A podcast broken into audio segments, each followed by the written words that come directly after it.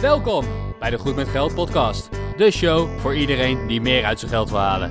Of je nu als millennial eerder wil stoppen met werken of gewoon graag je financiën op orde wil hebben, hier ben je aan het juiste adres, want hier ben je goed met geld.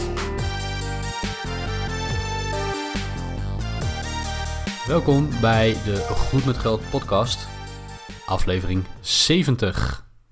Ik ben Bas van firetheboss.eu. En ik ben Arjan van stoppenvoormijn50ste.nl. Arjan en ik hebben het heel vaak buiten de podcast om over geld. Natuurlijk hebben we het achter de microfoon ook uh, met elkaar over geld. En dan praten we erover, dan discussiëren we. Maar ik denk dat uh, nou, misschien wel driekwart van onze discussies uh, zonder microfoon plaatsvindt. Dus, dus kan je nagaan dat hoe, hoe, hoeveel wij het over geld hebben. En Arjan en ik hanteren allebei nou ja, wat afwijkende strategieën. Er zijn wat overeenkomsten, maar er zijn zeker ook een hoop verschillen in onze strategieën. en daar hebben we het vaak over. En, en door het daarover te hebben en met elkaar te discussiëren en heel scherp op elkaar te zijn, kunnen we leren van elkaar. En dat leren van elkaar, dat, uh, dat is heel waardevol. Ik heb in elk geval persoonlijk mijn strategie wel eens aangepast op de dingen die ik van Arjen heb geleerd. En ik denk andersom dat het ook is voorgekomen. Zeker waar. En nou, we willen een aantal van die lessen met jullie delen op de podcast. Dus vandaag gaan we het hebben over onze financiële strategieën. En uh, met name over hoe je omgaat met geld dat je over hebt. Want we hebben natuurlijk in eerdere podcasts gehad over, het spaarpercentage. Hoe je zorgt dat je meer kunt verdienen, minder kan uitgeven, zodat je geld overhoudt. En wat je dan met het geld gaat doen. En vandaag is het een, een aflevering die misschien uh, ja, iets minder voor de beginner is, die iets verder op uh, bepaalde onderwerpen ingaat, maar waardoor we de diepte kunnen ingaan op hoe ga je nou om met het geld dat je overhoudt, wat doe je daarmee? En hoe zet je dat in? En, en wat zijn de be beweegredenen om de een of de andere uh, route te kiezen als het ware. Ja, en misschien is het ook meteen even goed, Bas, om, om meteen aan te geven dat wij, ja, we zijn een discussie gestart. Ik denk, uh, wat was het, twee weken terug over de WhatsApp zaten wij van nee, het is zo, nee, die term die is anders. En nou, zo, zo zaten we, ik denk al een, een, half uur, drie kwartier op en neer te appen van... Ja, nee, maar waarom kijk je er dan niet zo naar? Nou, dat, dat gebeurt dus heel vaak. En ja, deze podcast die hebben we enigszins voorbereid. Nou, we bereiden sowieso elke podcast wel voor. Maar bij sommige podcasts weten we al van... Oh, dan gaan we dit vertellen en dan gaan we dat vertellen. En daar moeten we het ook nog even over hebben. Bij interviews is dat zeker zo. Maar bij deze podcast, deze aflevering... Hij is iets voor de meer gevorderde luisteraar wil ik het bijna noemen. Ik, als, je dit, als dit de allereerste aflevering is die je van de Goed met Geld podcast luistert, uh, zou ik een andere op gaan zoeken die ook een interessant onderwerp heeft. Want ja, we hebben best wel wat discussie gehad en de discussie die twee weken geleden uh, plaatsvond ging, ik geloof over cashflow, Bas. Was dat niet het, het, onderwerp waar we het in eerste instantie over hadden? Ja, over een artikel dat jij hebt geplaatst op jouw website over investeren in crowdfunding en, en de beschikbaarheid daarvan en of projecten nog wel terugbetalen in een crisis en de cashflow die eruit komt en nou ja, de liquiditeit van sommige beleggingen, van geld op de bank enzovoort. En daar, daar ontstond inderdaad een hele mooie discussie over. Ja, waar denk ik, uh, waar wij een beetje twee verschillende zienswijzen op hebben. En even voor de luisteraar, het is niet zo van we hebben uh, dingen als nee, jij hebt het fout, nee, jij hebt het fout, weet je. Dat, dat zijn niet de type, de type discussies die wij voeren. Dat is sowieso niet het type discussie dat ik leuk vind om te voeren. Ik, ik hou ervan om te discussiëren, maar ik sta altijd wel open voor de punten van een ander. Uh, juist omdat ik daarvan kan leren. Dat, dat geldt zeker met geld, maar dat geldt ook met een heleboel andere onderwerpen. Dus ja, onze, onze discussie ging, uh, ging in eerste instantie over een stukje crowd, crowdfunding en de, en de cashflow die daaruit komt. Uh, en, en dat ik daar toch, een, uh, ja, toch wel wat bedenkingen bij heb in, voor, sommige projecten. Dus laten we, ja, laten we het daarover gaan hebben. Ja, en luister deze podcast dus ook vooral als een discussie die wij voeren. Er zit geen enkel advies in. Er zitten alleen heel veel meningen van ons in. Van hé, hey, maar ik kijk er op die manier naar, naar zo'n onderwerp. Of naar, ik kijk op die manier naar een bepaalde investering die ik heb gedaan. En ja, je kan het naast je neerleggen. Je kan er ook eens, gewoon eens over denken van... oh ja, zo had ik er nog niet naar gekeken. Wow, misschien heb ik er ooit nog een keer wat aan. Maar zo zijn wij dus constant bezig. Wij zijn altijd om ons heen aan het kijken van... oh, maar met dat nieuwsartikel... daar werd gesproken over je inkomsten anders regelen... of salarisverhoging vragen bij je baas. Of nee, nu de beurzen allemaal klappen door hè, heel dat coronavirus moet je per se deze strategie aan gaan houden. Nee, dat, dat is helemaal niet zo. Maar dat zijn wel altijd van die dingen die wij meenemen in ons achterhoofd. Om, om gewoon te kijken van, oh, maar waarom heb ik er nog niet op die manier naar gekeken? Dus uh, ja, veel plezier met de discussie die wij, ik denk, in de komende 30, 40 minuten gaan voeren, hè Bas? Dat, uh, dat denk ik wel. Uh, voordat, we, voordat we beginnen en echt diep ingaan op de financiële strategieën, mocht je zelf nog niet zo heel veel weten van beleggen in aandelen of beleggen in crowdfunding. We hebben een aantal afleveringen in het verleden gemaakt die daarover gaan en die, die veel meer uitleggen over de basics van deze onderwerpen. beleggen in aandelen kun je terugvinden in aflevering nummer 6 en aflevering nummer 15 en aflevering nummer 56. Daar gaan we in op uh, nou, wat zijn aandelen nou precies, hoe kun je in aandelen beleggen uh, middels ETF's. En, uh, en de laatste in het rijtje, aflevering 56, hebben we Rowan gesproken en hij is expert en zelfs docent op het gebied van het beleggen in individuele aandelen. Dus dat zijn hele nuttige afleveringen denk ik om, om als achtergrondinformatie te gebruiken, mocht je er nog niet zo heel veel van weten. Vandaag gaan we wat dieper op dit soort onderwerpen in. In aflevering 7 en aflevering 17 hebben we het gehad over crowdfunding, de basics van crowdfunding en hoe begin je nou met crowdfunding, hoe kies je projecten uit. Dus we gaan er eigenlijk ook vandaag wel van uit dat je al eh, een en ander weet van, uh, van hoe crowdfunding werkt. Um, nogmaals, mocht je dat niet doen, check even aflevering 7 en 17. Daar, uh, ja, daar vertellen we echt over de basics, hoe met name Arjan dingen heeft aangepakt. Zodat we vandaag lekker de diepte in kunnen gaan. Laten we even beginnen bij mijn eigen verhaal. Want toen ik ooit begon met crowdfunding, dat vond ik allemaal leuk. En, en investeren en ik haalde rendement. En hè, dat, dat vond ik echt geweldig. En al het geld wat terugkwam, dat, dat herinvesteerde ik weer. En dat, dat geld wat terugkwam, dat was dus aflossing en rente. En op een gegeven moment zag ik een filmpje van uh, Robert Kiyosaki. En die zei: cashflow is super belangrijk. Cashflow, dat, daar draait eigenlijk alles op rondom je investeringen. En dat ben ik dus een beetje, beetje uit gaan zoeken. Van ja, maar wat, wat is dan die cashflow? En eh, dat was dus ook een beetje de aanleiding van onze discussie, naar aanleiding van mijn blog. Want aan de ene kant ben ik dus heel erg eh, in mijn strategie aan het investeren in die crowdfunding. En ik ben een beetje om me heen aan het kijken van oké, wat kan ik nog meer doen? Want ik wil niet alles in crowdfunding, maar ik wil ook zeker niet alles op de beurs. En eh, daar, daar ontstond die discussie van ja, maar ik, waarom doe ik nou in crowdfunding en bijvoorbeeld niet in obligaties? Ja, mijn eerste reden was gewoon cashflow. Ja, dat kan ik me heel goed voorstellen. Ehm, ik, ik, heb het boek van uh, Kiyosaki ook gelezen. Uh, en dat, dat gaat inderdaad over hoe kan je nou ervoor zorgen dat je je vermogen gaat uh, inzetten om daar iets aan te verdienen. Want je kan inderdaad heel veel dingen bezitten, beleggingen, andere objecten.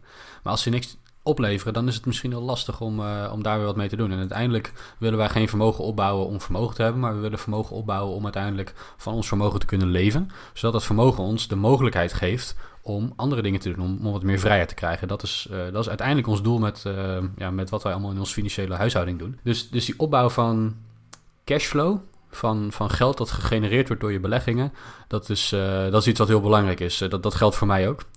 Alleen ik kijk er op een iets andere manier naar uh, dan, dan jij, Arjen, denk ik. Ik kijk er met name met het oog naar van hoe snel kan ik bij mijn geld komen. Want uh, misschien kunnen we cashflow definiëren als uh, het bedrag dat elke maand wordt gegenereerd. Of elk jaar, of nou, welke periode je dan ook wil hanteren. Door jouw beleggingen. Uh, dat, dat is één ding. Maar een ander ding is dat je misschien wel hele liquide investeringen kunt doen. Hè, investeringen die je makkelijk kan omzetten in euro's. Eh, die, helemaal geen cashflow opleveren. En, en wat ik daarmee bedoel uh, is, is heel simpel. Stel je hebt een huis en dat huis heb je gekocht voor een bepaald bedrag, doet er even niet hoeveel. Uh, voor een deel van dat bedrag heb je een hypotheek genomen en, en, je gaat het huis verhuren. Nou laten we even aannemen, gewoon voor, voor het gemak op deze podcast, dat we het huis kunnen verhuren voor 1000 euro per maand. Dat de hypotheek ons 500 euro per maand kost. En dat we uh, nog 300 euro aan kosten hebben aan de verhuur. En in die kosten kunnen dingen zitten als de, uh, de vastgoedbeheerder, de reservering voor onderhoud en, en dat soort dingen allemaal. Dus dan hebben we in totaal 1000 euro aan inkomen, 500 euro gaat naar de hypotheek en 300 euro zijn kosten die we maken. Dus dan blijft er 200 euro over aan cashflow. Dat is wat ik bedoel, en dat is eigenlijk wat we altijd bedoelen uh, met cashflow als we het over beleggingen hebben. Hoeveel geld komt er elke maand of elk jaar uit een belegging terug in de vorm van euro's? Zij levert 1000 euro op, maar de cashflow is 200 euro. Dat betekent niet dat die cashflow, die 200 euro, onze enige vorm van inkomen is. Want het huis kan meer waard worden, de hypotheek wordt afbetaald, die schuld wordt kleiner. Dus er zijn nog een paar andere punten waarop we geld kunnen verdienen aan zo'n investering. Dat ligt echter ver in de toekomst, is wat onzeker. En cashflow die hebben we vandaag. Dat, zit, hè, dat zijn euro's die in je bankrekening terechtkomen. Dus dat is een hele vaste vorm van rendement. En daarmee is cashflow heel fijn, want van cashflow kunnen we bijvoorbeeld onze rekeningen betalen. Dat is, uh, dat is een beetje wat we met cashflow bedoelen. het moment dat je je geld nodig hebt en, en cashflow is te weinig, die 200 euro die je uit dat huis krijgt elke maand, is misschien een beetje te weinig om van te leven. Maar misschien is het huis wel heel veel in waarde gestegen. Dus een manier om bij dat geld te komen is om je huis te verkopen. Dat is echter wel een lastig proces, want ja, een huis verkopen, iedereen die dat wel eens heeft gedaan, weet dat er best wel veel bij komt kijken. Je moet sowieso de huurder eerst eruit hebben. Vervolgens ga je uh, het huis een beetje opknappen, zorgen dat het netjes uitziet. Je gaat een makelaar in de arm nemen, nou, enzovoorts. Dan wordt het huis verkocht en dan krijg je een, uh, een bult geld. Dat is heel interessant, maar ja, heel liquide is zo'n investering niet, want het is niet heel makkelijk om een huis om te zetten in geld. Andere beleggingen kunnen dat wel zijn, bijvoorbeeld aandelen. Ik beleg zelf heel veel in aandelen. Uh, niet in losse aandelen, maar in indexfondsen. Daar hebben we het eerder over gehad. En, en aandelen leveren ook cashflow op in de vorm van dividend. De winstuitkering die sommige bedrijven doen. Maar los van het dividend, van de cashflow die ik elk kwartaal krijg, in, in het geval van aandelen, kan ik mijn aandelen heel makkelijk verkopen. En ik vind dat dat een, een synoniem misschien wel is voor cashflow, uh, is hoe makkelijk kan ik bij mijn euro's komen? Of hoe makkelijk kan ik mijn beleggingen, en of dat nou aandelen of vastgoed of crowdfunding of een spaarrekening of wat dan ook is, hoe, hoe, snel kan ik mijn belegging omzetten in euro's om de rekening van te betalen? Want uiteindelijk maakt het natuurlijk niet uit of een aandeel mij 10 euro dividend betaalt.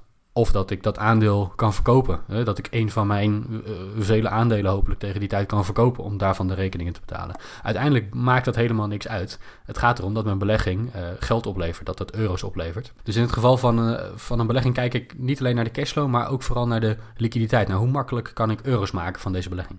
Ja, en dat, daar verschillen wij een beetje in. Want ik ben dan echt iemand die denkt van... ja, maar als ik mijn aandelen nu ga verkopen... dan krijg ik deze prijs ervoor. Maar wat als die morgen een euro meer is? Of wat als het morgen keldert? Dan had ik ze eigenlijk gisteren al moeten verkopen... want het, er is al een dalende trend. En daar ben ik nog een beetje bang voor. Nou, hè, we beleggen op de lange termijn... dus ja, dat zien we dan wel weer.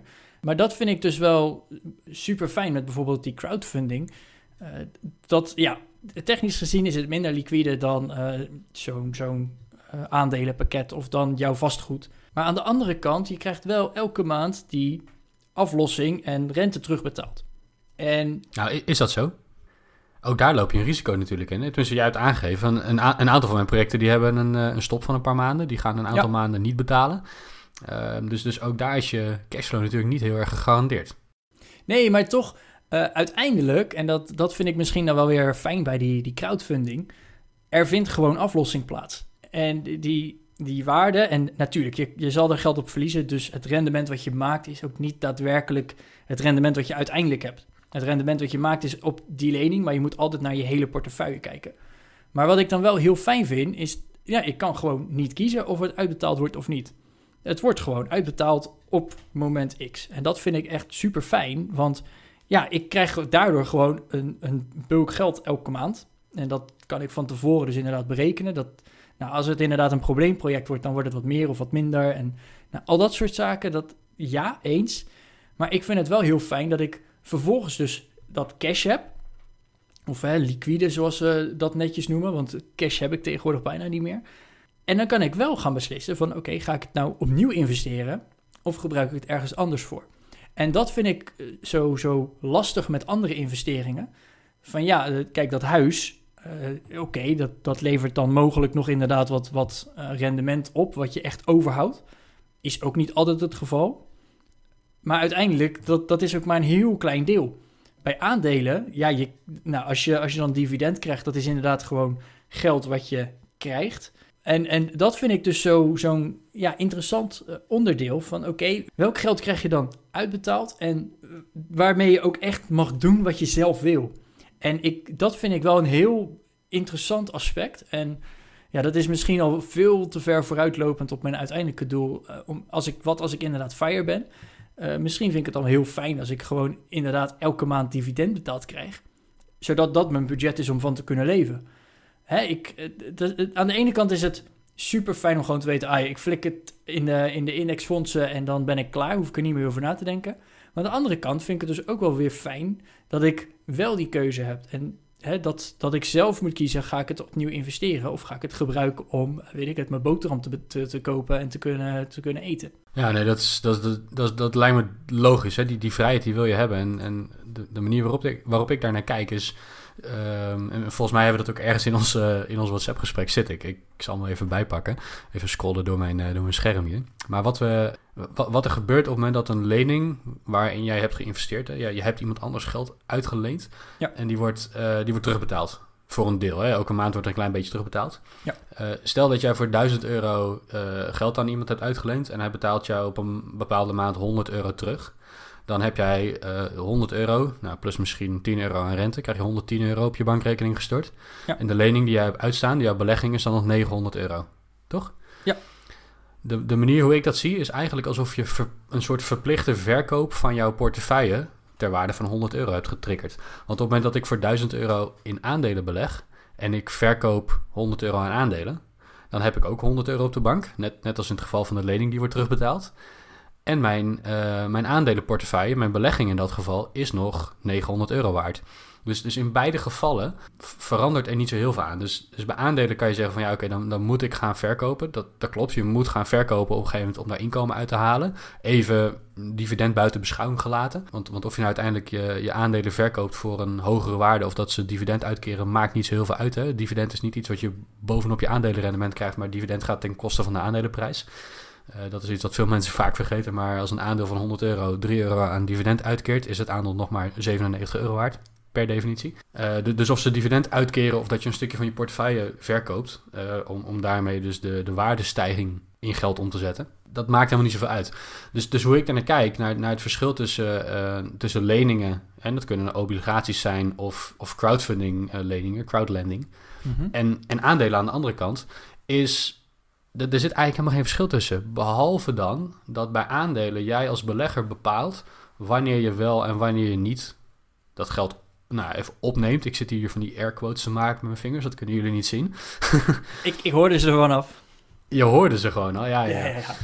En bij een, bij een lening bepaal je dat niet zelf, maar wordt dat van tevoren vastgelegd wanneer je dat geld opneemt uit jouw belegging. Namelijk, degene die het geld van jou heeft geleend, die gaat je terugbetalen op een bepaald schema. Nou, we gaan ervan uit, hè, dus in de praktijk gebeurt dat nooit altijd, niet 100%, maar we gaan ervan uit dat iemand dat netjes op tijd doet en zich aan de afspraken houdt. Dus stel dat iemand jou 10 maanden lang elke maand 100 euro gaat terugbetalen, dan krijg jij 10 maanden lang 100 euro op je bankrekening en elke maand wordt jouw belegging 100 euro minder waard. En dat geld dat je dan op je rekening krijgt, daar mag je inderdaad mee kiezen wat je daarmee doet. Dat kan je op je bankrekening houden om eh, brood van te gaan kopen bij de bakker. En je kan dat ook weer vervolgens aan iemand anders uitlenen om jouw belegging weer ja, opnieuw in te zetten als het ware. Of om je geld opnieuw in een nieuwe belegging in te zetten. Dus die, die mogelijkheid heb je. Maar in het geval van aandelen, dat is hoe, hoe ik er naar kijk. En nogmaals, dit is geen reclamepraatje om in aandelen te gaan beleggen, maar gewoon meer mijn gedachtegang over waarom kies ik voor aandelen en niet voor, eh, niet voor crowdlending. Is dat als ik in aandelen beleg en ik doe niks, dan blijft het geld belegd. Op het moment dat ik wel zeg van ik heb die 100 euro nodig om eh, een brood bij de bakker te kopen, dan kan ik voor 100 euro aandelen verkopen en dan krijg ik 100 euro op mijn bankrekening. Dus in beide gevallen kan je je belegging omzetten in euro's. Bij leningen gebeurt dat volgens een vast schema, het aflossingsschema. En of dat in een jaar gaat of in 30 jaar, of, dat maakt allemaal niet zo heel veel uit, maar dat gaat dan ook wel volgens een vooraf gedefinieerd schema. Uh, en in dit geval van aandelen heb je een hele liquide investering.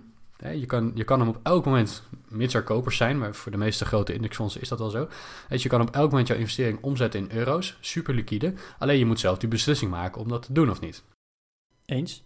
Maar hey, en dat vind ik echt super interessant om hier te horen, want uh, wat dat betreft ben jij best wel pro-aandelen en ben ik best wel pro-crowdfunding. Niet dat we anti te of tegen de ander zijn, maar hè, uh, uh, jij bent ooit begonnen inderdaad voornamelijk in de aandelen en ik ben voor, voornamelijk begonnen in de crowdfunding. Ja. En dat was wel iets wat ik zag ontstaan.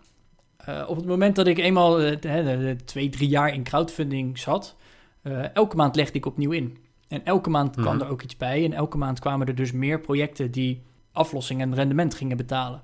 En dat, dat hield ik keurig netjes bij in mijn Excel. En dat doe ik nog steeds van oké, deze maand verwacht ik nou, bedrag X. En wat ik zag ontstaan is een vangnet voor mezelf. En zo'n vangnet dat geeft ook wel weer een soort van ja, misschien is het wel schijnzekerheid, maar het, het, voelde in ieder geval als een soort van zekerheid. Want elke maand zag ik nou, dat bedrag dus stijgen. En op een, op een bepaald moment uh, kreeg ik gewoon elke maand net zoveel aan rendement en aflossing uh, als mijn standaard maandelijkse salaris. En ja, op de een of andere manier, en dat is wat ik, wat ik dus erg, ja, wat me ergens triggert in, in die crowdfunding, door die cashflow, en dat is echt gewoon zo'n standaard bedrag, heb ik eigenlijk ook een soort van vangnet voor mezelf gecreëerd. En dat, dat klinkt misschien heel gek, want uiteindelijk is het een, een geïnvesteerd bedrag of aan, aan leningen in dit geval. Dus het wordt elke keer minder waard en het, het, eindigt ergens. Maar hè, eh, nou, toen een paar jaar geleden, waar ik dan nu over praat, toen werkte ik pas net. Ik had geen idee verder. Uh, ik had wel wat spaargeld, maar ja, wat als ik mijn baan kwijtraak? En uh, toen dacht ik echt van, nou, maar als ik nu mijn baan kwijtraak, mijn buffer, dat, uh, die houdt het wel een, maand of twee, drie vol. Dat, dat moet zeker wel lukken. Maar op het moment dat mijn buffer leeg is en ik heb nog steeds geen baan, dan heb ik nog steeds die crowdfunding die elke maand een stukje aflossing en rendement betaalt. En daarmee kan ik dus in nog steeds een jaar uitzingen. Ja, mijn geïnvesteerde hoeveelheid aan, aan geld, dat gaat dalen. Zeker weten, want hè, dat ga ik dan opgebruiken.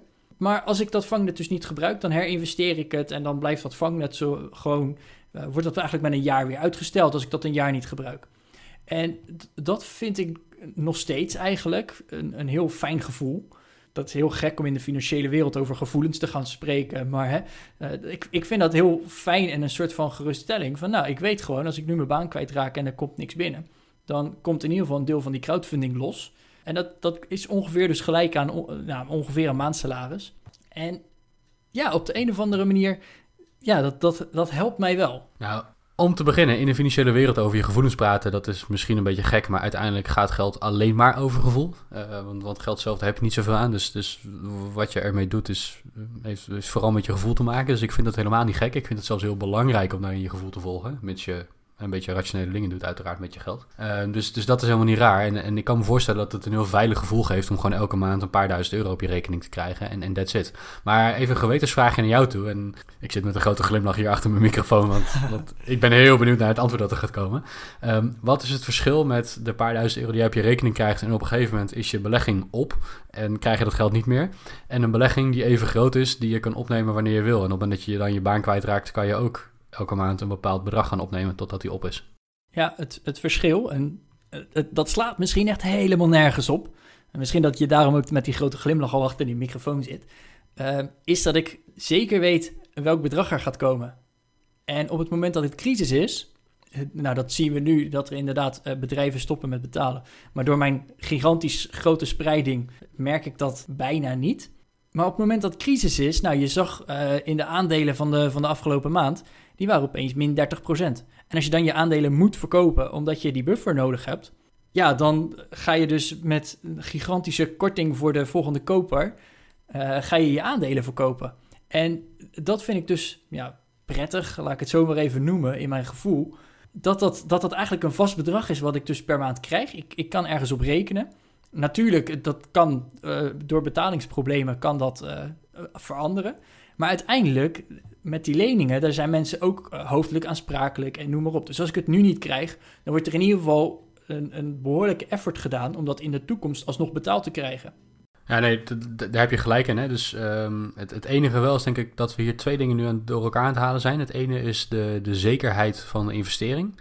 En daar zit absoluut een verschil tussen of jij aandelen hebt en daarmee mede-eigenaar van een onderneming bent. Of dat jij geldschieter voor een onderneming bent en dat je ze een lening hebt gegeven. Er, zit absoluut een verschil in het risico dat je als belegger hebt. Hè, wanneer je in, in leningen of in aandelen belegt. Dat, dat, daar zit een enorm verschil in het risico. Um, maar ik denk dat we dat nu een beetje verwarren met, de, ja, met het geld dat vrijkomt. Want je hebt natuurlijk 100% gelijk. Hè? Op het moment dat ik, nou wanneer is het geweest? Ik denk een uh, week of drie of vier geleden of zo mijn aandelen had moeten verkopen. Ja, dan was ik enorm het schip ingegaan. 100% waar. Dan had je daar heel, veel, heel erg van moeten balen dat dat op dat moment Ja, absoluut. Want kijk, mijn, uh, het indexfonds waar ik in beleg, de ETF, die heet VWRL. Nou, uh, die stond eind februari uh, op meer dan 88 euro per stuk, ja, per 88 aandeel. nog iets inderdaad. En ja, precies. Uh, en, en op het dieptepunt uh, in de corona, tenminste het dieptepunt voor zover we dat nu weten, want uh, we kunnen niet, ik kan niet in de toekomst kijken hier. Maar op het dieptepunt stond hij op zo'n 59 euro. Dus dat is meer dan 30% die eraf is gegaan. Ik, ik heb hem zelfs nog voor 58 nog iets gekocht. Ja, moet je nagaan. Hè? Dus we hebben, echt, uh, we hebben echt ruim 30% in de min gestaan ten opzichte van het hoogtepunt. En dat betekent dat als je op het hoogtepunt hebt gekocht, en dat hebben veel mensen gedaan, hè, want tenminste, eh, als je elke maand koopt, dan koop je natuurlijk nooit op het hoogtepunt, maar dan uh, koop je een beetje op dit hoogtepunt en een beetje op de volgende maand en een beetje enzovoorts. Dus ik heb eind februari heb ik zeker aandelen gekocht voor dicht bij de 88 euro. De gemiddelde koopprijs van mijn aandelen was overigens een eurotje of 70, omdat ik het al best een, best een lange tijd doe. Maar maar los daarvan, als ik dan inderdaad op het niveau van 58 of 59 euro ineens geld nodig had gehad en ik had mijn aandelen moeten verkopen, dan had ik daar heel veel verlies op gemaakt. Dat is, dat is 100% waar, daar kan, je, daar kan je niet ontkennen. Maar, maar dat heeft niet zoveel met de liquiditeit te maken, dat heeft meer met het risico te maken van de belegging. En wat er gebeurt is dat mensen of beleggers, het kunnen mensen en bedrijven zijn, die, die mede-eigenaar van een onderneming zijn, die lopen meer risico dan beleggers die geld hebben uitgeleend aan een onderneming. En dat komt omdat um, ja, geld uitlenen, dat, uh, dat we vinden dat iets heel belangrijks. En daar leggen we afspraken vast in contracten. Uh, en die contracten worden door de wet beschermd. En de kosten die gemaakt worden door een organisatie om de rente te betalen, die gaan, die gaan van de winst af. En pas als er winst overblijft, is dat voor de eigenaar, voor de, voor de aandeelhouders. dus, dus op die manier hebben leningen op een aantal punten veel meer bescherming en daarmee meer stabiliteit dan, dan aandelen. Dat is 100% waar. Maar nogmaals, ik denk dat we dat niet moeten verwarren met, met de liquiditeit. Of met, met de mate waarin we onze belegging in geld kunnen omzetten.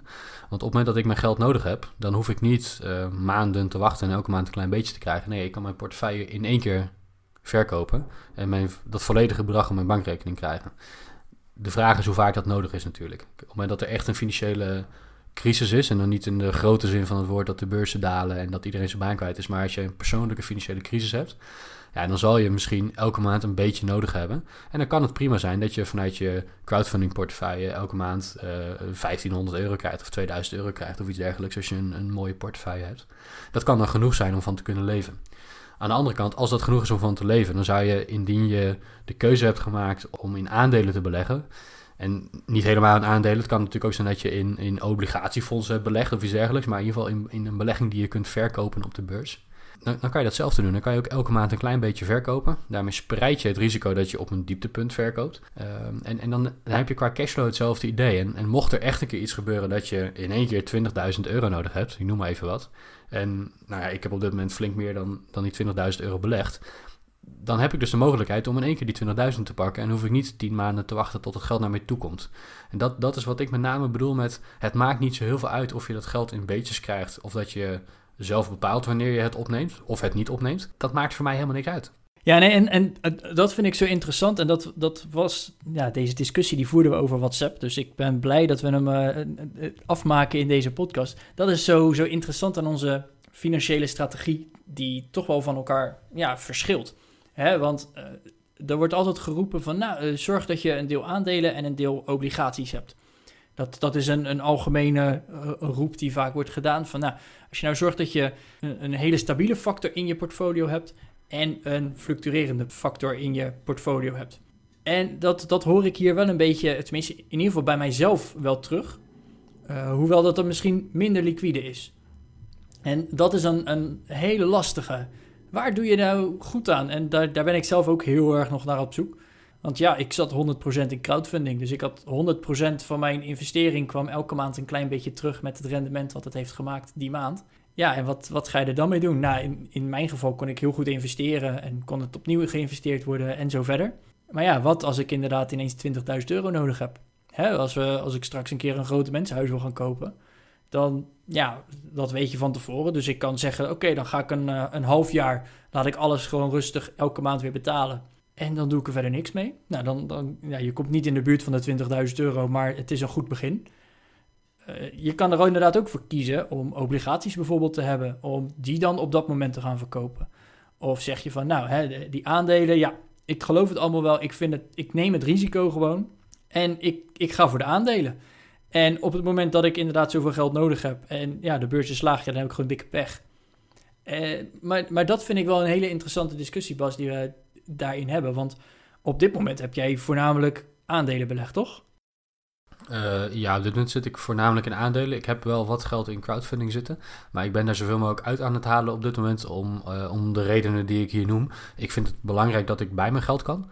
En, en even los van het hele argument over de veiligheid van de investering. Hè, want daar zie ik ook wel dat leningen veiliger zijn en een stabieler rendement hebben. Dat, dat snap ik. Ja. Uh, maar, maar los van dat hele argument. Wil ik in beleggingen zitten waar ik bij kan. Op dit moment in mijn leven. Dat betekent niet dat ik in de toekomst andere, geen andere keuzes kan maken. Op dit moment in mijn leven vind ik het belangrijk. En dat heeft overigens niks met corona te maken. Um, maar met mijn persoonlijke financiële strategie. Uh, dat ik liquide belegging wil hebben. En of dat aandelen of vastgoed of wat dan ook is, dat maakt niet zoveel uit. Ehm, maar ik wil het eigenlijk met een druk op de knop op een website kunnen omzetten in euro's op mijn bankrekening. Uh, en dat kan niet met crowdfunding. Dat kan ook niet met vastgoed overigens. Uh, dus op het moment dat ik nu een pand zou aankopen, dan zou mijn geld daar ook in vastzitten. En elke maand zou er dan een beetje huur binnenkomen. Dus, dus dat is de reden dat ik nu mijn geld uit de crowdfunding aan het halen ben en, en dat steeds aan het herbeleggen ben in, uh, in mijn indexfondsen. En, en het, het is gewoon heel prettig om meerdere lagen in je vangnet te hebben. En, en kijk, mijn vangnet, uh, stap 1 is het inkomen dat ik heb. En dat inkomen, dat, dat begint zakelijk. Ik ben ondernemer. Dus als ik, uh, als ik onverwachte kosten heb, dan kan ik die vaak uit mijn inkomen betalen. Omdat er een verschil zit tussen wat ik verdien en wat ik uitgeef elke maand, hou ik een beetje over. En van dat beetje kan ik de meeste onverwachte, kosten, onverwachte kosten wel betalen. Uh, de, de, volgende stap is, op het moment dat dat niet lukt, dan heb ik gewoon geld op de bank. Ik heb zakelijk uh, een, een, een buffer. Dus op het moment dat mijn omzet tegenvalt, dan kan ik mezelf toch een salaris blijven betalen uit die buffer. Nou, mocht dat niet genoeg zijn, mocht ik privé uh, iets nodig hebben, dan heb ik ook privé nog een buffer. Dus op het moment dat er een keer iets gebeurt waar ik uh, niet genoeg voor verdien in een maand om, om, dat te kunnen betalen, dan heb ik geld gewoon op de bank staan wat ik kan gebruiken om uh, ik veel, een nieuwe wasmachine te kopen of mijn auto te laten repareren of nou, dat soort dingen, hè, wat er maar kan gebeuren. Maar mocht de poep echt de ventilator raken, zoals het mooie Engelse spreekwoord zegt, dan heb ik altijd nog bijna 40.000 euro aan beleggingen die ik met een druk op de knop zou kunnen verkopen als het nodig is. Op het moment dat ik dat wil. En, en waar, ik, waar ik gewoon bij kan. En zolang ik er niet bij hoef te komen, kan het lekker renderen en doe ik elke maand geld bij. En, en hopelijk is dat genoeg zodat ik over heel veel jaren uh, niet meer hoef te werken, maar dat het dan zoveel rendement maakt dat ik daarvan kan leven. Maar, maar los van dat, dat die aandelen, en mijn beleggingen in zijn algemeenheid, hè, dus aandelen en, en alternatieve beleggingen, los van dat dat mijn masterplan is om uiteindelijk in de toekomst vermogen te hebben, is dat op dit moment ook een klein stukje van mijn vangnet. En dat vangnet, daar hebben we het eerder over gehad in, uh, ik geloof, aflevering 37. Dus die kan je nog even terugluisteren als je wil. En daar hebben we ook het tweede concept besproken van het vangnet van inkomen en geld op de bank en beleggingen die rendement opleveren en die je kan verkopen enzovoorts. Om gewoon een gezonde financiële huishouding te hebben. Um, maar, maar dat vangnet, dat is, het is zo prettig om, om de beschikking te hebben over liquide middelen. Het maakt mij soms wat nou ja, arrogant. Niet, niet naar mensen toe dat ik arrogant loop te doen van kijk eens hoeveel geld ik heb. Dat, dat doe ik niet. Zo ben ik absoluut niet. Maar het maakt me wel soms wat arroganter in de keuzes die ik maak. Maar ja, hoe cares? Als het nodig is, heb ik geld zat om van te kunnen leven. Dus ik durf wel een gokje te wagen. Ik durf wel een risico te nemen. En, en vaak, als je gecalculeerde risico's neemt, dan betaalt dat zich ook weer terug. Dus, dus de mogelijkheden die ontstaan als je dat vangnet hebt, die, die zijn waanzinnig. En ik vind het dan heel prettig. Ik ben een beetje een control freak daarnaast. Ik vind het prettig als ik kan bepalen wanneer ik op die rode knop ram. En die beleggingen omzet in euro's. En niet wanneer iemand anders denkt van... Nou, nu vind ik het een mooi moment om jou geld te gaan geven. Ja, ik, ik snap jouw argument van... Ik vind het prettig dat dat gewoon op een vast schema komt. En hoef ik er niet over na te denken. Aan de andere kant denk ik van... Ja, de, de, de controle houden over je geld is, is voor mij heel belangrijk. Uh, dus, dus ik bepaal of ik het beleg laat of dat ik het opneem. En op het moment dat iemand dat elke maand naar mijn rekening gaat zitten overmaken en ik wil het eigenlijk belegd hebben, omdat ik het geld niet nodig heb, dan moet ik elke keer weer opnieuw die belegging kopen. Of in een nieuw crowdfunding project uh, uh, aankopen. Of nou, noem het maar op. Terwijl 9 van de 10 maanden heb ik het geld niet nodig. Sterker nog, 95 van de 100 maanden heb ik dat geld niet nodig. Dan laat ik het liever belegd. En dan druk ik zelf op de knop wanneer ik het nodig heb. Ik vind het echt, ja, ik, ik blijf het grappig vinden hoe, hoe verschillend wij daarin zijn. Als, als we dan onze financiële strategie een, een, een, beetje gaan vergelijken, dan hebben we allebei onze voor's en tegens. En hè, als ik dan heel erg naar mezelf ga kijken, dan denk ik, ja, inderdaad, ik kan niet bij mijn geld. En dat kan best wel heel vervelend zijn. Hè, want op het moment dat ik inderdaad een, een, echt groot bedrag nodig heb, ja, dan heb ik best wel een uitdaging. En als ik dat van tevoren aan zie komen, dan kan ik prima een, paar maanden niet herbeleggen of niet herinvesteren. En nou, dan, dan komt dat geld er uiteindelijk wel. Maar inderdaad, als ik nu een grote mensenhuis wil gaan kopen en daar uh, moet ik een ton zelf voorbij leggen. Nou, niet dat ik nu een ton heb, maar uh, gewoon een gigantisch bedrag. Dan heb ik een probleem. En dat, dat is echt wel een, een uitdaging. Hoewel voor mij die crowdfunding is dus wel echt een, een vangnet wat ik mee heb gecalculeerd in nou, bijvoorbeeld de buffer die ik aanhoud, in de andere keuzes die ik maak en, en al dat soort dingen. En dat vind ik wel heel interessant bij jou, Bas. Uh, want hey, ja, jij hebt inderdaad uh, met één druk op die rode knop. Uh, heb je al je geld. Ja, of een klein beetje geld, hè? Die keuze heb je. Ja, maar, eens, eens. Maar ik vind dat daar ook best wel een, een risico in zit. Hè? Want op het moment dat ik uh, een groot bedrag nodig heb, dan kan ik er nu niet bij. Het, dat, daar moet ik even over, over na gaan denken. Hoe ga ik dat doen? Nou, ik ben ondertussen mijn portfolio wat aan het aanpassen, dat ik inderdaad uh, aan, het, aan het beleggen ben in ETF's. Dus hè, ik, ik heb ondertussen ook een bedrag dat ik kan zeggen, hey, ik druk nu op de knop en daar is geld. Maar dat vind ik bij jou best wel een risico, want op het moment dat er nu inderdaad gezegd wordt van, hey Bas, jij moet nu nou, een gigantisch bedrag, ik noem maar even wat, 60.000 euro hebben ja, en je zal dat maar net een maand geleden nodig hebben op het moment dat die uh, eh, VWRL op, uh, wat was het, 58 euro staat. Nou, dan, dan, dat vind ik echt wel een, een, een lek in jouw strategie. Nou, mocht dat gebeuren, dan doet dat heel veel pijn inderdaad, als je dan met zoveel verlies aandelen moet verkopen. Maar mocht er zoveel nood aan de man zijn dat je zo'n move moet maken, dan heb ik nog steeds liever de keuze om dat te doen. In het geval wanneer je wanneer je niet bij je geld kunt, omdat het in een deposito zit, omdat het in een crowdlending zit, omdat het nou ja, ergens anders uh, in zit waar je niet zomaar bij kan, dan heb je die keuze niet. Dus als iemand met een pistool op je hoofd zit en zegt van ik schiet je hersenen eruit op het moment dat je niet die 60.000 euro overmaakt, dan ga je hersenen op de stoep. En in mijn geval zou ik nog kunnen zeggen, oké, ik pak het verlies en ik ga die portefeuille verkopen. Snap je? Dat, dat is wat ik bedoel met de liquiditeit. En, en, en is natuurlijk een, een onwijs uh, raar scenario. Gaat niet gebeuren. Een beetje te veel gekke films gekeken misschien. Maar ja, Bas, ze, weet, ze weten nu dat het kan, hè? Pistool op je hoofd en er is geld. Uh, klopt, klopt, klopt, klopt. Ja, laten we dat niet doen, mensen. Jullie weten gelukkig niet waar ik woon. Uh, als jullie willen... Nee, gaan we niet doen. nee. Uh, ik hou niet van, uh, van pistolen. Tenminste, niet om aan de verkeerde kant in zo'n ding te kijken. Dat is, dat is niet leuk, denk ik.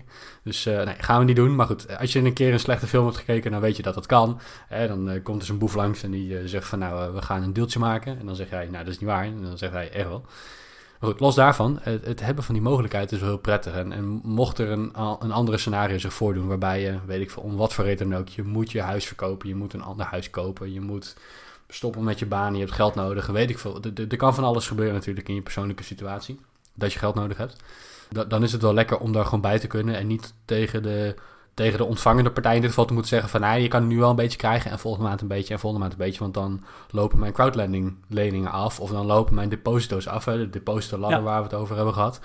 Eh, dat zijn allemaal wel stukjes vangnet die, die wat zekerheid bieden... dat je geld gaat krijgen op een bepaald moment. Alleen je hebt de keuze niet en ik vind het lekker om keuzes te hebben. Ik ben millennial en een beetje een controlfreak, dus ik wil graag die keuze hebben. Ja, maar was het, het, toch, hè? Ben je dan wel ergens nog van plan om om wel dat stukje stabiliteit ergens nog in te bouwen. Want op dit moment is het, ja, je kan erbij, maar het is niet stabiel. Ben je dan nog ergens voornemens, noemen ze dat dan heel netjes, om dat wel ergens in te gaan bouwen? Uh, dat, kan op de superkorte termijn uh, volgende week zijn, maar ook op de langere termijn over vijf of tien jaar. Ja, nee, absoluut wel. Ik ben, ik ben dat zeker wel van plan. En, maar, maar nogmaals, we moeten hier niet die twee zaken van stabiliteit in een portefeuille en de liquiditeit van een portefeuille door elkaar gaan halen. Want dat, dat zijn echt twee verschillende dingen. Uh, de liquiditeit waar we, waar we het nu net over hebben gehad, die vertelt iets over hoe snel je bij je geld kunt. En, en de stabiliteit, die zegt iets over hoe hard stuitert de waarde van jouw belegging op en neer. En, en in die stabiliteit, die soms wordt gegenereerd door een stukje cashflow. Hè. Bijvoorbeeld bij vastgoed heb je een redelijk stabiele cashflow. En daarmee is dat een, een nou, niet 100% zeker natuurlijk, want iemand kan stoppen met betalen, je pand kan leegstaan enzovoorts. Maar je hebt toch een redelijk stabiele vorm van rendement, omdat er gewoon elke maand huur op jouw bankrekening wordt gestort. Ehm, maar dat moeten we niet verwarren met liquiditeit, want diezelfde vastgoedinvestering is totaal niet liquide. Het is heel moeilijk om bij je geld te komen, want daarvoor moet je dat huis gaan verkopen of dat bedrijfspand gaan verkopen. En dat is ontzettend gedoe. Dus dat, dat, duurt, dat duurt super lang, dat kost heel veel geld, dat is ontzettend vervelend om te doen. Dus die twee dingen moeten we niet door elkaar houden. Maar, maar ja, ik ben absoluut van plan om op termijn ehm, een, een, stukje meer vastigheid, een stukje meer, ja, hoe zeg je dat, wat dempende factoren in mijn portefeuille in te bouwen. In de vorm van obligaties, in de vorm van vastgoed. Absoluut. Ja, nee, want uh, helemaal eens. We mogen ze niet door elkaar halen. Hè, liquiditeit is hoe snel kan je daadwerkelijk gewoon die euro's op je rekening hebben. En stabiliteit is van oké, als ik nu 100 euro investeer, hoe zeker ben ik dan ervan dat het over een jaar nog steeds 100 euro waard is? Dat, dat zijn die twee verschillen. Maar we hebben het vandaag over financiële strategie. En ik vind dat dan wel dat dat allebei die punten heel belangrijk zijn om in je strategie mee te nemen.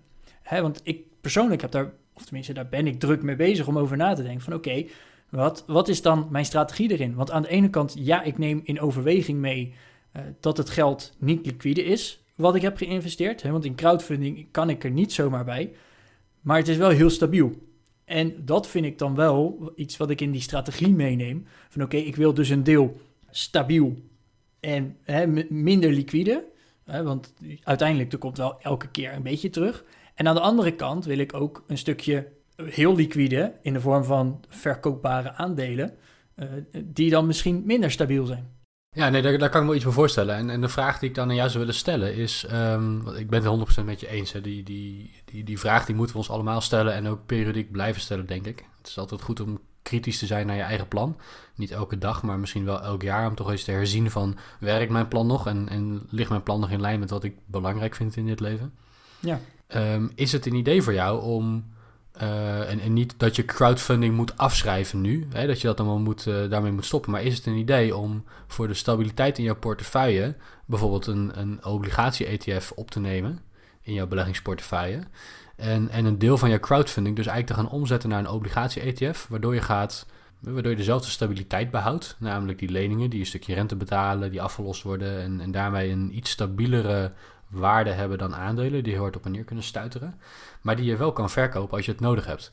Dat is, dat is waar ik met name aan zit te denken om, uh, om, om mijn portefeuille wat toekomstvaster te maken, is um, over, een, over een bepaalde periode, dat gaat zeker niet nu plaatsvinden, om toch te, wat meer te diversificeren richting obligaties. Met het doel om de portefeuille minder gevoelig te laten zijn voor uh, een crash op de beurs. Even een voorbeeld te geven. Mijn aandelenportefeuille werd uh, 33% minder waard van de top in februari 2020 tot het dal uh, in, wat is het geweest? Ik denk eind maart, begin april. Ja, eind maart inderdaad. Ja, door de coronacrisis stuiterde die aandelenportefeuille echt van, van een gigantisch hoge stand naar een uh, stand die 33 of 34 procent lager was uit mijn hoofd. Uh, waar mensen die bijvoorbeeld voor 70% in aandelen en 30% in obligaties hebben belegd, een daling in hun portefeuille zagen van misschien maar uh, 18 of 20%. Hè, want um, een, een, kleiner deel van je portefeuille wordt 33% minder waard. Een bepaald deel van je portefeuille, namelijk de obligaties, die, die stijgen zelfs een stukje. Hè, die gingen iets van 4, 5% omhoog. En in totaal heb je dan een veel kleinere daling in je portefeuille zitten. Dat, dat is iets waar ik wel uh, waar ik interesse in heb. Ook omdat dat uh, het stabiliseert niet alleen het rendement dat je haalt, maar het, het, je behoudt de mogelijkheid om je portefeuille te kunnen liquideren, zoals we dat noemen. En om te kunnen verkopen of om stukjes daarvan te kunnen verkopen, mocht je geld nodig hebben. En geld nodig hebben, dat hoeft natuurlijk niet alleen maar te zijn van er is een crisis in je persoonlijke leven. Je hebt nu euro's nodig om te overleven of om een probleem op te lossen. Maar het kan ook te maken hebben met een kans die zich voordoet waar je gewoon geld voor nodig hebt. Dus ik ben wel benieuwd hoe jij kijkt naar die, uh, naar, naar die vorm van diversificatie, waarin je wel de stabiliteit van, van leningen opzoekt in de vorm van obligaties, maar daarmee een stukje liquiditeit kunt behouden. Ja, hele goede vraag. Ik, uh, ik, ik ben daar wel over bezig geweest en dat was ook een van de redenen dat ik uh, die blog schreef. Want ik ben ook inderdaad gaan kijken van oké, uh, ja, ik wil wat meer stabiliteit. En met crowdfunding is dat best wel, ja, als, als zo'n lening stopt met betalen of als zo'n ondernemer failliet gaat of zo, ja, dan ben ik opeens die hele investering kwijt. En dat, dat is echt heel shit. En wat dan? Uh, dus, uh, en, en de, de aanleiding was dat er een crowdfunding platform is die uh, investeringen aanbiedt waar je hypothecaire zekerheid op krijgt. dus die zijn behoorlijk zeker. ook niet 100% gegarandeerd, maar nou, de, de kans dat je daar je geld niet terugkrijgt, is op, een, op de een of andere manier toch minder groot dan bij investeren in een ondernemer bijvoorbeeld. De rentepercentages zijn er tegen ook gewoon lager. Hè? Dus je, loopt minder risico, maar je krijgt dus ook minder vergoeding. En wat ik dan wel, daar, daar ben ik dus echt uh, serieus mee bezig geweest. Van oké, maar wat, wat levert het dan op? En ik ben dus op dit moment, in mijn overweging, ben ik best wel bezig ook van oké, wat, wat zijn dan die rendementen? En zo'n obligatie, dat, dat zit ergens rond de 2% uit mijn hoofd gezegd. Uh, wat je op, op jaarlijks rendement hebt. En dat is inderdaad heel liquide en daar kan je inderdaad zo bij. En dat, dat is dus in ieder geval geen negatief rendement. Uh, zoals je op dit moment bijvoorbeeld op je spaarrekening, door de inflatie wordt jouw geld gewoon minder waard. En je krijgt geen rente, dus dat wordt technisch gezien gewoon minder waard. En dan, ik was me dus even aan het bedenken van ja, maar hè, ik ben op dit moment 29. Heb ik dat dan ook nodig en in, in welke mate? En ik zat 100% in crowdfunding en ik wil in ieder geval eerst eens naar 50-50. Hè, dus de, de crowdfunding misschien zelfs wel iets afbouwen, of daar ben ik nu mee bezig, dat het wat minder wordt. En dan uh, de andere kant naar aandelen toe, zodat ik in ieder geval daar uh, uh, meer stabiliteit in, of meer evenwicht in heb. En ja, ik, ik, het is dus zeker wel door mijn hoofd geschoten van... hey, wil ik dan obligaties? Of hè, wat ga ik meer door met crowdfunding? En in, in dit geval, en dat was dus een, een, ik denk een maand geleden... dat ik daar echt goed over na heb gedacht... Uh, is dat op dit moment gewoon dat ik toch dan voor het rendement ga... en, en niet zo, zodanig de liquide middelen... Hè, en ja, ik, ik ben het dus meer liquide aan het maken, of tenminste de mogelijkheid om het liquide te maken, ben ik aan het implementeren, want ik ben aandelen aan het kopen. Uh, zodat ik inderdaad daar een, een groter bedrag in één keer cash kan hebben. Met inderdaad een, een hoog risico, net zoals jouw portefeuille op dit moment ook een best wel hoog uh, risico heeft, omdat het zo kan fluctueren in de, in de waarde daarvan. Maar op dit moment kies ik dus bewust om het toch iets vaster te laten zetten. En dat, dat iets vaster is dus uh, een, een, periode van zo'n vijf jaar. Uh, met inderdaad een, een hoger rendement. Dus ik, ja, het is zeker door mijn hoofd geschoten. Uh, maar ik heb er bewust voor gekozen op dit moment om, om toch een iets risicovollere aanpak aan te houden. Ja, nee, dat is duidelijk. En, en even voor de, voor de luisteraar, we hebben het nu over wat rendementen. Arjan, jij maakt denk ik iets van 5 of 6 procent op je crowdfunding gemiddeld over je portefeuille gezien? Ja, over mijn gehele portefeuille. En dat is inclusief alle afschrijvingen die toch regelmatig uh, plaatsvinden. Ma maak ik ergens tussen de uh, 5, 5,5 procent aan, uh, aan rendement. En dat is dus inclusief al die defaults die ik al meteen afschrijf. Ja, dus er zijn zeg maar uh, 6 of 7 procent uh, aan, aan rendement dat je maakt. En sommige bedrijven die zullen failliet gaan, die kunnen de, de lening niet meer terugbetalen. Nou, dat schrijf je af en dan kom je netto op iets van 5, 5,5 procent uit. Ja, ja, inderdaad. Dat is, wat je, dat, is dat is wat je eigenlijk aangeeft inderdaad. Ja, dus dat is voor de luisteraar even... Uh, dat, dat zijn ongeveer de rendementen waar je aan kunt denken als je in crowdlending gaat zitten. En dat zijn hele mooie rendementen. En zeker als dat gewoon elk jaar lang uh, weer maar blijft komen, die 5, 5,5 procent, dan, uh, dan, doe, dan doe je het best wel goed. Ja, ik, ik wil daar meteen die disclaimer weer even inbouwen, Bas. Want uh, ik heb ook jaren gehad dat het min 5 procent was. En de crowdfunding heeft ook best wel wat zwaar weer gehad. En hè, ik ben daar heel erg mee bezig geweest van... oké, okay, wat voor projecten leveren wel goed op... en welke projecten hebben extra risico. Dus ja. mocht je willen gaan investeren via crowdfunding... of crowdlending, zoals het eigenlijk is uh, lees je echt heel erg in. Kijk ook inderdaad even uh, terug naar onze aflevering en luister die ook vooral terug. Daarin geef ik ook wel wat tips en tricks.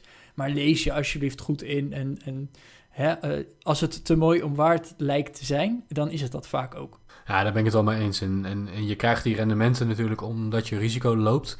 Um, het is per definitie zo dat een lening die veel rente betaalt, risicovoller is dan een lening die minder rente betaalt. En dat heeft er gewoon puur mee te maken dat hoe meer zekerheid een geldlener aan de geldgever kan, uh, kan bieden, hoe lager de vergoeding is die je daarvoor nodig hebt. Gewoon omdat de kans dat je moet afschrijven kleiner is. Dus wat je ziet, inderdaad, je hebt het over de 2% uh, rendement op obligaties. Dat zie je veel op, um, op een mix van staatsobligaties en, en hele waardevaste bedrijfsobligaties. Daar zie je inderdaad dat, uh, dat als je zo'n soort mix aanhoudt, dat je inderdaad misschien een uh, rendement van 2% per jaar pakt. Dat is niet superveel, dat loopt uh, misschien net ietsje boven de inflatie. Dus daarmee bescherm je je geld tegen waardevermindering, maar zal je niet, niet supersnel je vermogen laten groeien. Aan de andere kant biedt het wel heel veel veiligheid. Uh, waar je ziet dat uh, de meer risicovolle leningen, uh, zoals in crowdlending, dat je daar gewoon voor beloond wordt als, als belegger, doordat je een hoger rendement krijgt. Dat is natuurlijk heel fijn, maar het nadeel daarvan is natuurlijk dat de kans dat iemand niet meer terugbetaalt wel aanwezig is. Dat kan je helemaal weer oplossen door goed te spreiden en in veel verschillende projecten te zitten en niet te veel in één project te stoppen enzovoorts. Dus ik denk dat jij dat, Arjan, inmiddels heel goed onder de knie hebt. Um, dit soort dingen kun je overigens ook in gewoon op de beurs verhandelbare obligaties doen. Hè. Een obligatie is niet per se een, um, een, een, staatsobligatie die heel weinig rente betaalt op het moment. Het kan ook een, um, een, een, bedrijfsobligatie zijn die, uh, die veel zekerheid biedt. bijvoorbeeld door hypothecaire onderpanden. En, en dan nog steeds weinig rente betaalt. Maar je kan ook in uh, zogenoemde junk bonds beleggen. In, in obligaties van bedrijven die, uh, ja, die toch wat minder kredietwaardig gevonden worden. En waar je hogere rendementen krijgt. De naam zegt het al. Ja, de naam zegt het al, weet je. Dus het zijn, dat, dat, zijn, dat zijn obligaties die een, een hoger risico hebben dat je geld nooit meer terug gaat krijgen. Maar goed, daarvoor word je beloond in, in, in de vorm van meer rendement of meer rente op die, op die lening. En, en dat zijn afwegingen die je moet maken. Daar moet je, daar moet je goed naar kijken, denk ik, als, als belegger. En, en, je dan de vraag stellen van hoeveel risico wil ik lopen met mijn portefeuille op het moment dat ik in leningen ga beleggen. Ga je geld aan de Nederlandse staat uitlenen, nou, dan moet je daar geld op toedoen, want de rente die je daarvoor betaalt is negatief op dit moment. Ga je geld uitlenen aan een of ander uh, gek shabby bedrijf in het Verre Oosten dan ga je er misschien wel 12% rente voor krijgen. Nou, dan is het maar de vraag of je je geld ooit terug gaat krijgen. Als je dat wel terugkrijgt, dan heb je mazzel. Als je dat niet krijgt, dan heb je pech. En, en daartussenin zijn nog heel veel vormen mogelijk. Dus ja, dat, dat zijn allemaal afwegingen die je kunt maken. En mocht je zeggen van ik ben inderdaad op zoek naar zo'n 5% netto rendement, wat Arjen nu haalt in, in crowdfunding, dan zou je natuurlijk ook kunnen gaan kijken van kan ik een obligatieportefeuille opbouwen die ongeveer op zo'n rendement uitkomt. Uh, dan moet je wat in risicovollere beleggingen uh, gaan zitten, in risicovollere leningen. Maar dat, dat merken we in crowdlending natuurlijk ook. En, en ik heb zelf wat, uh, wat geld in crowdlending zitten. Ik merk ook dat er projecten zijn die, uh, die, niet, die niet kunnen terugbetalen. Waardoor je rendement van 7% naar 6 of naar 5 gaat. Maar dat zou je met obligaties net zo kunnen opbouwen. Ja, was ik uh, kijk even naar de tijd. En ondertussen zijn we dus al bijna een uur aan het praten over onze financiële strategie. En ik kan toch eigenlijk al wel concluderen dat we het nog steeds niet eens zijn en dat we het nog steeds anders aan gaan pakken. En dat is het gave van zo'n strategie. Hè? Dit is mijn strategie. Bas, jij hebt jouw strategie. En beste luisteraar, waarschijnlijk of hopelijk ben jij in ieder geval aan het nadenken over jouw strategie. En ja, ik, ik hoop in ieder geval dat hè, doordat wij gewoon je mee hebben genomen in onze strategie, dat je er ook eens over na bent gaan denken van, oh ja, daar kan ik ook wel eens wat mee. En, en dingen waar je in ieder geval eens over na moet denken bij het bepalen van jouw strategie, is dus bijvoorbeeld die liquiditeit. Hè, hoe makkelijk kan jij bij dat geld?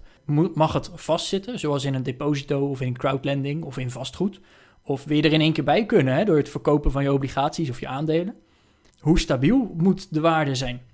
Als je nu uh, een, een huis koopt, ja, de kans bestaat dat het meer waard wordt, maar de kans bestaat ook dat het minder waard wordt. in, in aandelen is het nog veel erger. Dat, dat gaat elke seconde op en neer. En op het moment dat je moet verkopen, hè, en dat, dat kan om wat voor reden dan ook zijn, op het moment dat je moet verkopen, dan krijg je gewoon de prijs die het op dat moment waard is. En of dat dan die 88 euro is, of dat dan die 58 euro is, ja, dat, dat is dan gewoon even door de zure appel heen bijten. Maar neem dat mee in je strategie. Hè? En uh, hoe ga je het uiteindelijk gebruiken? Waar wil je het voor gaan gebruiken? Wil je gewoon zekerheid hebben? Ja, misschien is jouw financiële strategie dan wel door gewoon uh, een, een goede som geld op een spaarrekening te zetten. Hè? Want dat is, dat is het eerste vangnet wat je eigenlijk al hebt. Hup, gewoon 1000 euro op die spaarrekening voor als die wasmachine kapot gaat. Of voor als de auto een keer uh, toch een lekke band heeft. Of nou, ik verzin het maar. Je hebt altijd van zulke situaties. Ik vind het super interessant, zo'n financiële strategie. En ik ben dus eigenlijk ook heel benieuwd, wat voor aspecten neem jij mee in die financiële strategie? Want we hebben hier al een uur over zitten praten, maar waarschijnlijk hebben we nog niet eens het tipje van de sluier te pakken aan, aan de hoeveelheid gedachten die je allemaal kan hebben over zo'n strategie. Wat neem je allemaal mee? Wat, wat wil je juist niet meenemen? Of, nou, verzin het maar.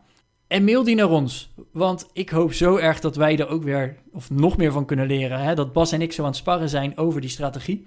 Dat, dat is niet omdat we elkaar pesten of omdat we zeggen van jouw strategie is fout. Nee, ik, ik vind het super interessant dat Bas er zo over nadenkt. Van oh ja, maar ik wil gewoon op de knop drukken en dan heb ik het geld.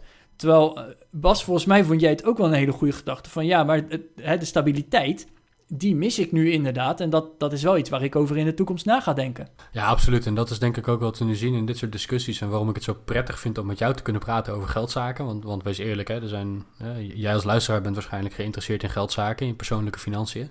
Maar niet iedereen is dat. Dus het is misschien thuis of met je vrienden of op het werk al heel moeilijk om, uh, om over dit soort dingen te praten.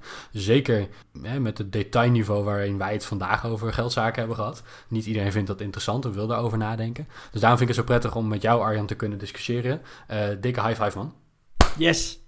Ja, dankjewel voor dat kijkje in je hersenen. Uh, ik, ik, leer er zeker van elke keer. Uh, dat betekent niet dat ik mijn strategie in één keer omgooi, maar dat betekent wel dat ik gewoon elke keer een klein beetje kan bijsturen, aan mijn eigen gedachten kan schaven. En, en hopelijk hebben we jou als luisteraar ook geïnspireerd om eens goed na te denken over uh, één, wat wil ik bereiken op de middellange termijn, op de lange termijn en hoe ga ik daar komen? En wat vind ik belangrijk als ik onderweg ben naar dat einddoel.